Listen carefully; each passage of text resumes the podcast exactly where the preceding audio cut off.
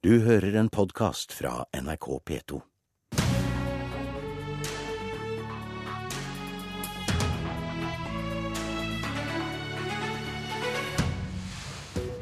Vi er et konstruktivt opposisjonsparti, sier Jonas Gahr Støre når han ser tilbake på siste halvår. Politisk kvarter setter konstruktiviteten under lupen.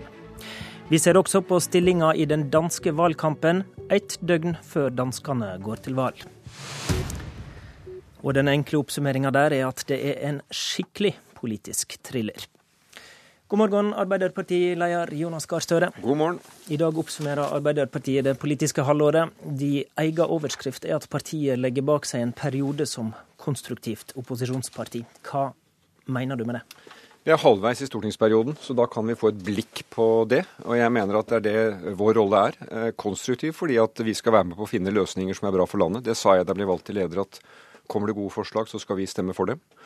Og i det siste året så har vi hatt uh, grundige diskusjoner om utenrikspolitikk i en vanskelig internasjonal situasjon.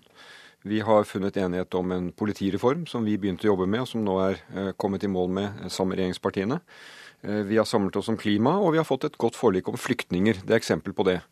Men så skal vi være opposisjon, og det er Jeg har vært åtte år i regjering, og jeg ser også nå hvor viktig det er å være tydelig i opposisjon, både på saker Eh, som eh, dukker opp, enten det handler arbeidsmiljø, eh, en hastig jernbanereform som gir dårlige løsninger, eller på retning. Det som skjer i forhold til troen på at skattekuttene skal kunne gi oss gode løsninger, stram kommuneøkonomi, troen på at bare det blir færre og større, så blir det bedre. Og jeg opplever at vi klarer å finne den balansen godt mellom å være både konstruktive der det ligger til rette for det, og veldig tydelig i opposisjon der Eh, det er grunn til det på grunnlag av vårt eh, verdigrunnlag og våre velgere. Du er vel først og fremst en kritiker av de omstillingene som Erna Solberg mener trengs i offentlig sektor, f.eks. jernbanereform, som du er inne på, men også kommunereform, fritt behandlingsvalg med flere. Der er dere jo ikke med å skaffe noe bredt flertall. Nei, I kommunene så er våre folk med rundt i hele landet og diskuterer om kan vi organisere oss annerledes for å løse oppgavene bedre for innbyggerne. Det er en riktig tilnærming. Eh, vi er jo veldig for stor satsing på jernbanen. Det er ikke noe forskjell i hva vi vil bevilge i kroner til det, men hvilken struktur skal vi ha? Vi mener at regjeringen nå velger en veldig oppsplittet byråkratisk eh, struktur med opprettelse av direktorater og etater som kommer til å være rart i vårt land med vår tradisjon. Eh, jeg mener at det fri, såkalte frie behandlingsvalget innen helse også er veldig byråkratisk. Masse mennesker skal kontrollere at vi skal ta penger fra sykehusene og bruke dem på private foretak. Det er en ulik kurs. Og en hovedsak som jo regjeringen snakker veldig lite om, men hvor de store pengene går. Altså troen på at disse store formuesskattekuttene skal nærmest eh, sparke i gang norsk økonomi. Det har vært prøvet i mange andre land, og jeg tror nesten vi må være det eneste landet som fortsatt tror på det fra regjeringshold. Og Når det gjelder de store pengene, så har dere kritisert mye regjeringa sitt kommuneøkonomiopplegg. Men så gir dere mindre eh, frie inntekter til kommunene i revidert opplegg enn det samarbeidspartiene har vært enige om. Jo, men La oss gå tilbake igjen til opplegget for 2016. 15, det budsjettet vi er i nå. Da hadde det vært altså flere milliarder mer til å satse på flere lærere i skolen, bedre eldreomsorg. Eh, eh, men ditt reviderte budsjett må jo forholde seg til den økonomiske realiteten i kommunene? Jo, men uh, her kommer regjeringen da uh, med for lite og for sent i forhold til å kompensere for skattetapene kommunene opplever. Reiser du rundt nå, så sitter altså rådmenn og kutter i titalls millioner kroner for å møte det at ikke pengene kommer inn. Men det dere kompenserer jo heller ikke hele den skattesvikten?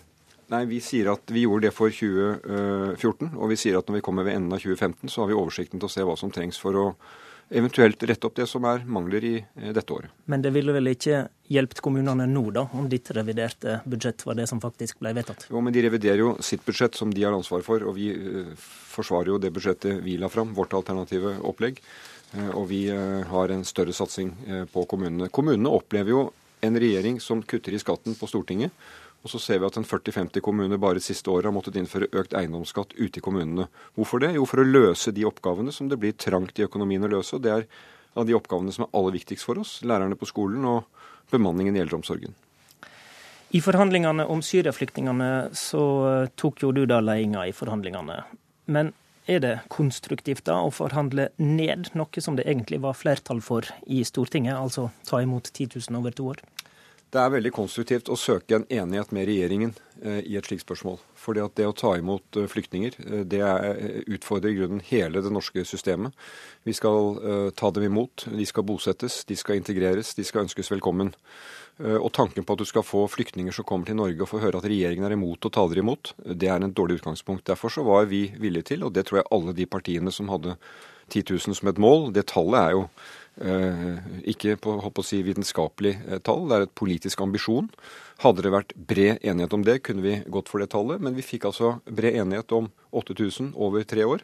Eh, Og det er en dobling av hva det ellers ville vært, så det er en, bare det i seg selv er en stor ambisjon, og vi har fått regjeringen med på det. Men gikk du noen gang inn i det forhandlingsrommet og kravde 10 000 syrerflyktninger Ja, fra år? dag, fra dag én gjorde det veldig klart. Det er gjort både skriftlig og muntlig at det var vårt eh, primære eh, valg. Og, men det er ikke noe overraskelse at Høyre og Fremskrittspartiet sammen først, og så etter hvert bare Høyre, eh, la vekt på at ikke de kunne gå med på det. Så du, du la det fram skriftlig Ja. i forhandlingene? Ja. Men når du da i tillegg vet at det er et flertall for det, hvorfor, hvorfor trekker du deg da tilbake fra det? Jo, men eh, hvis jeg skulle brukt For det første så eh, eh, tror jeg at hvis eh, Venstre og Kristelig Folkeparti får svare for seg selv tanken på å skulle komme og nedstemme den regjeringen de har en samarbeidsavtale med på dette spørsmålet, som også har store budsjettkonsekvenser, det vet jeg ikke hvor stor begeistringen var for det. Men er det ditt ansvar? Nei, det er ikke mitt ansvar, men jeg mener at det var mitt ansvar å forsøke å følge opp den ambisjonen vi alle hadde, og som også statsministeren eh, la til grunn. La oss se om vi kan finne en enighet på det. Denne type spørsmål er av de hvor det er aller best at vi får en enighet på tvers av de skillene som måtte være i Stortinget. Det var det enighet blant alle partiene som satte seg ned og diskuterte. SV og Fremskrittspartiet var ikke uenig i den ambisjonen, men de hoppet av, og det får vi ha respekt for. Så jeg mener at eh, når vi skal søke en, et, et forlik om flyktningepolitikken, som skal stå seg egentlig om flere år, det er jo det vi nå har gjort. Vi har også bred enighet om asylpolitikken på disse områdene. Nå er det jo en bred, overgripende enighet i Norge. Vel, da må alle strekke seg. Vi gjorde det, vi også. Og vi bidro til en løsning som doblet nødhjelpen i regionen, og som kommer til å øke ganske betydelig de kvoteflyktningene vi skal ta imot. Det i seg selv blir en stor oppgave, og nå kan vi engasjere kommunene i en virkelig eh, dugnad for det, og også det sivile samfunn, frivilligheten, eh, arbeidsmarkedet. Men hvorfor må du eh, ha med uh, regjeringa på noe slikt, all den tid vi har et parlamentarisk system der Stortinget faktisk bestemmer? For det er ikke Stortinget som gjennomfører politikken til det daglige, det er regjeringen. Men jeg det har- finnes jo mange eksempel, f.eks. barnehageforliket. da, Det Ja. er jo et eksempel som dere er stolte av, der Stortinget fikk med seg på ei i utgangspunktet motvillig regjering. Ja, men, Det går jo an. men det er en annen type eh, konfliktsak. Altså Nå har regjeringen droppet å endre strukturen på skatteinnkreving fordi at stortingsflertallet ikke fulgte det opplegget de gjorde. Da er det helt, helt legitimt, selvfølgelig, at stortingsflertallet gjelder. På dette området her så skal stortingsflertallet selvfølgelig komme til uttrykk. Og så er det et selvstendig mål å få med regjeringen. Og jeg vil også her gi honnør til at Høyre strakk seg, eh, søkte å finne en løsning. Jeg tror også Høyre ser at det å ha et dyp, dyp splid i synet på hvordan Norge skal eh, ta imot nødstilte mennesker som kommer til vårt land, det er et dårlig utgangspunkt for at den integreringen skal skje på en, eh, på en god måte. Ambisjonsnivået er hevet betraktelig, og det er gjort med bred enighet, og det er jeg faktisk veldig fornøyd med at vi fikk til. Hvordan tror du den um, norske flyktningdebatten ser ut fra Danmark, der det virker som det om partiene kappes om å være strengest mulig, iallfall de store? Det fascinerende med Norden, som jeg har erfart det både som utenriksminister og nasjonalpolitiker, er jo at eh, vi ser veldig like ut utenfra, og vi er ganske forskjellige på innsiden på mange områder, også på dette. Så forskjellen mellom Sverige, Danmark og Norge, hvor Norge ligger et sted jeg mener riktig i midten mellom de to, den er ganske stor. Og i Danmark har det vært et hardt, spisst klima om dette gjennom mange år, eh, hvor eh, man får en retorikk og et debattklima som jeg tror ikke bidrar til god integrering. Eh, Fra Arbeiderpartiets side så er vi for en streng og rettferdig asylpolitikk av respekt for asylinstituttet. Det skal være grundig og ordentlig, og reglene skal følges. Men det skal også være slik at det samfunnet som tar imot, er åpent og inkluderende og får til god integrering. integrering. Der er tonen mye eh, tøffere enn i Danmark. Kunne du ha fronta sånne valgkampplakater som partilederkollega Helle Thorning-Schmidt gjør, der hun tar til orde for stramme asylregler og flere krav til innvandrere? Jo, men jeg kjenner Helle Thorning-Schmidt veldig godt, øh, og jeg er jo enig i, i grunnlaget for det som, som er her, at du skal stille klare krav. Jeg tror alle mennesker, enten du er innvandrer eller nordmann, så skal du bestille krav til når du er en del av det spleiselaget velferdssamfunnet er. Kom i jobb.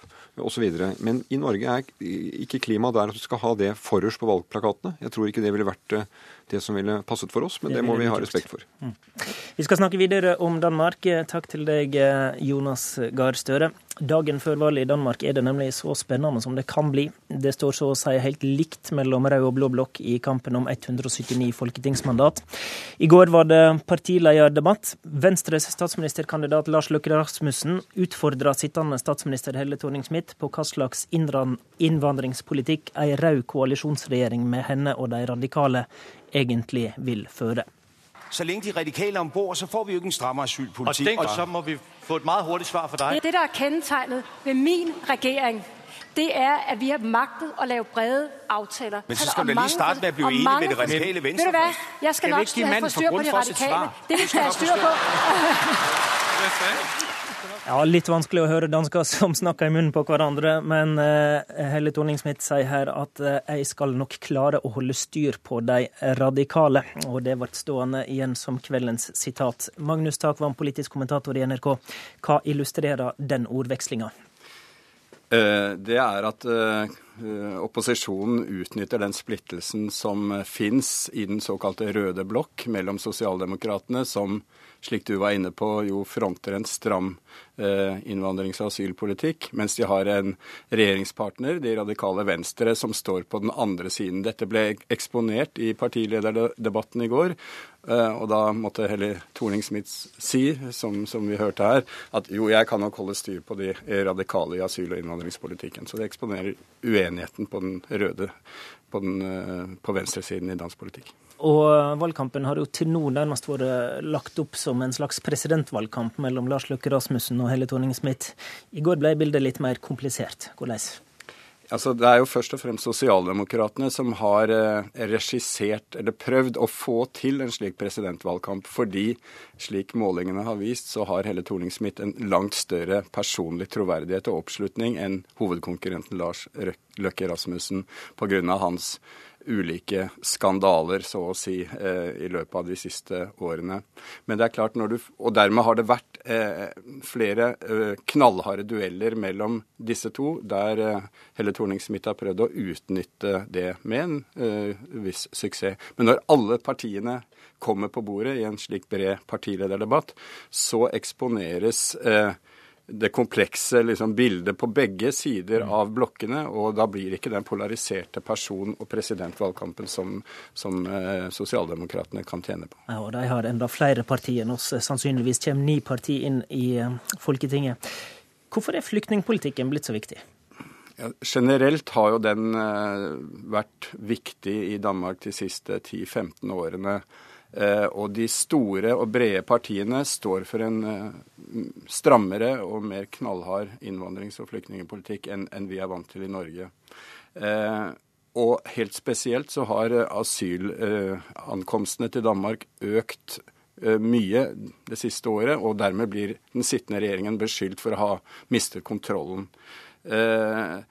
Og Dermed så blir det i utgangspunktet en viktig debatt mellom opposisjon og eh, regjering, fordi det koster mye penger osv.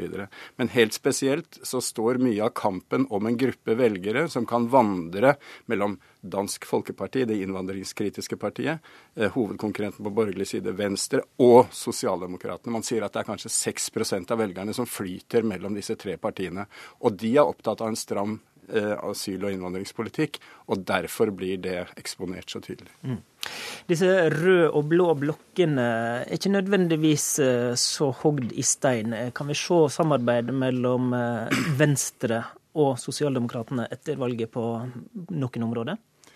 Ja, absolutt. Og sånn som vi var inne på når det gjelder eh, flyktningpolitikken, så, så, er jo venstre, de venstresidepartiene, Enhetslisten av SF, som sosialdemokratene samarbeider med, og Alternativet, dette nye partiet, mer liberale i flyktningpolitikken. sånn at dermed så må uh, sosialdemokratene i enkelte tilfeller samarbeide med eh, de borgerlige om det. Og kanskje særlig også i den økonomiske politikken, eh, der venstre, de venstresideallierte til sosialdemokratene ikke vil akseptere den stramme økonomiske politikken som sosialdemokratene står for. Så vi ser allianser på kryss og tvers mellom blokkene etter et regjeringsskifte også. Valget er i morgen. NRK dekker det bredt. Politisk kvarter var i dag ved Håvard Grønli.